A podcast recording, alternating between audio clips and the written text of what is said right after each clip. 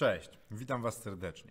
Jeśli szykujecie się do wystąpienia w konkursie Plan na Start albo będziecie prezentowali Wasz projekt w klubie inwestora Asbiro, to przygotowałem dla Was 10 rad, jak przeprowadzić taką prezentację, aby przybliżyć się do tego celu, jakim jest zdobycie pieniędzy na rozwijanie Waszego biznesu albo pomysłu biznesowego. To co? Zaczynamy.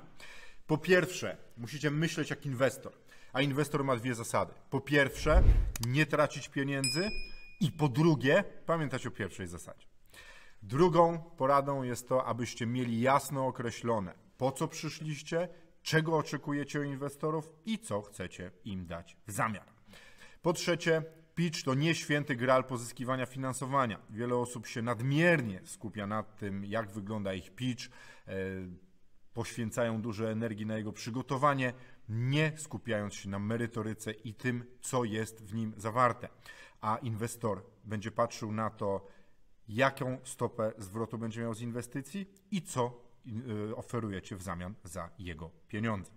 Po czwarte, nie znaczy to, że prezentacja nie jest ważna. Wybierzcie z zespołu osobę, która potrafi ładnie mówić, będzie mówiła sensownie, nie będzie się zacinała i będzie potrafiła fajnie pokazać wasz projekt, ale przede wszystkim będzie umiała odpowiadać na trudne pytania w, w czasie sesji pytań, która odbędzie się po tej prezentacji, bo pytania będą brutalne, szczere i bardzo często trudne, ale nie ma się co dziwić. Inwestorzy mają Wam dać ciężko zarobione pieniądze i zależy im na tym, żebyście ich nie stracili. Więc będą pytać o to, co ich najbardziej interesuje, a te pytania mogą być niewygodne i trudne. Ktoś z Waszego zespołu powinien umieć na nie odpowiadać. Po piąte, Miejcie policzony budżet. Dokładnie, szczegółowo. I ten budżet powinien zawierać takie szczegóły jak koszty administracji, zarządzania i innych rzeczy, które nie są oczywiste. Zazwyczaj skupiamy się na tym, jak będzie wyglądał marketing, jak będzie wyglądała produkcja i zapominamy o takich małych szczegółach, jak na przykład księgowość, zarządzanie lub ta administracja, o której wcześniej mówiłem, a to pozwala profesjonalnym inwestorom zauważyć, czy wy się znacie na tym, czy, co robicie, czy wasze wyliczenie i ta okrągła liczba, którą pokazujecie, której poszukujecie, na przykład równe pół miliona złotych albo milion złotych, czy ta liczba przypadkiem nie jest wymyślona z palca i podana, bo Wam się wydaje, że tyle pieniędzy pozwoli Wam na rozwinięcie biznesu. Dlatego radzę Wam przygotować dobrze budżet z tymi wszystkimi małymi szczegółami, które są potrzebne do prowadzenia biznesu. Po szóste, pamiętajcie o tym, że musicie mieć z czego żyć. To znaczy, wasza pensja powinna również być ujęta w planie finansowym i nie ma się e, co wstydzić E, umieszczać wynagrodzenia osób zarządzających danym projektem w, w tym wyliczeniu, ile potrzebujecie pieniędzy od inwestorów. Wręcz jest tak, że profesjonalny inwestor, który zapyta się, z czego będziecie żyli, i, a wy nie macie innych projektów dających wam pieniądze, podniesie uwagę, że moment, ale jak wy się zagłodzicie, to również zagłodzicie, zagłodzicie ten projekt i wtedy zwrotu z inwestycji może nie być w ogóle, kiedy pomysłodawca danego projektu nie będzie miał z czego żyć i po prostu odpadnie z zarządzania. Siedem, sprawdźcie, czy to, co chcecie robić, jest potrzebne w ogóle, w ogóle światu, czy ktoś będzie to kupował i wpiszcie w Google albo w inną wyszukiwarkę, czy ktoś tego, co wy chcecie robić, już przypadkiem nie robił.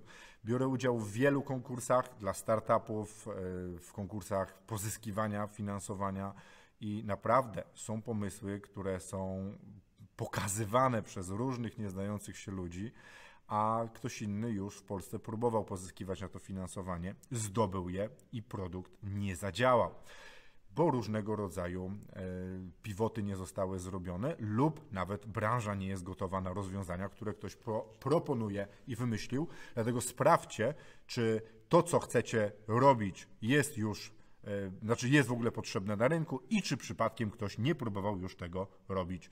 Po ósme, i moim zdaniem jest to jeden z ważniejszych punktów, pokażcie swój zespół. Pokażcie zespół ludzi, który ma zajmować się tym projektem, pokaża, pokażcie wasz track record i track record zespołu, bo zespoły, którym już się powiodły jakieś projekty, które już zbudowały jakieś firmy, są o wiele bardziej cenione niż te, które dopiero zaczynają, mają jakieś marzenie i wchodzą dopiero na rynek. Jest to brutalne, ale tak jest. Dlaczego? Bo nie chcemy tracić pieniędzy, a jeśli ktoś już pokazał, że umie zbudować działającą firmę i jeszcze ją sprzedał, zrobił exit, to już w ogóle jest pożądany na rynku. Więc pokażcie wasz zespół i powiedzcie, dlaczego wam akurat się uda i wy będziecie w stanie stawia, stawać naprzeciwko przeciwności losu, które pojawią się w trakcie rozwijania tego biznesu i czemu sobie poradzicie z tym, co będziecie robić. Dziewiąte, jeśli przeprowadzacie prezentację na żywo i jesteście na sali, na której jest 10, 20, 50 albo może nawet 100 osób, czego Wam życzę, zainteresowanych, e, zainteresowanych inwestowaniem w różnego rodzaju projekty biznesowe, to przygotujcie naprawdę jedną stronę A4 wydrukowaną z dwóch stron o tym, czym był, jest Wasz projekt, czego oczekujecie, czego szukacie, i jak się można z Wami skontaktować. Nieraz byłem na konkursach, gdzie było bardzo dużo projektów i ludzie oglądali to, co tam jest, zapisywali albo nie zapisywali i później próbowali znaleźć i sobie przypomnieć, o co chodziło w tej inwestycji, która była taka interesująca i była jedenasta, co to był za gość.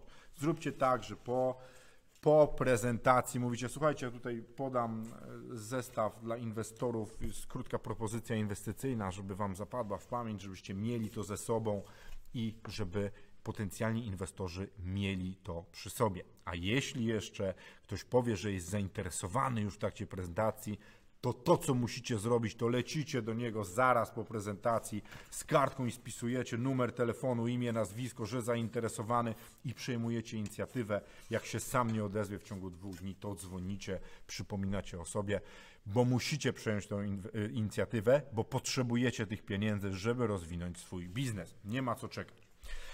Po dziesiąte, uważajcie na to, ile oferujecie udziałów Nieprofesjonalny inwestor będzie chciał zabrać jak największą część waszego tortu.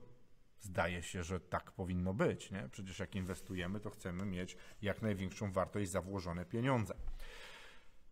No nie do końca.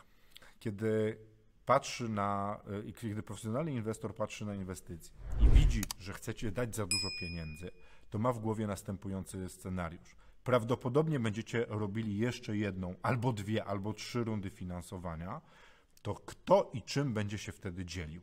Co będzie, jeśli nie będzie już tortu do dzielenia, nie będzie komu dać kolejnych części firmy?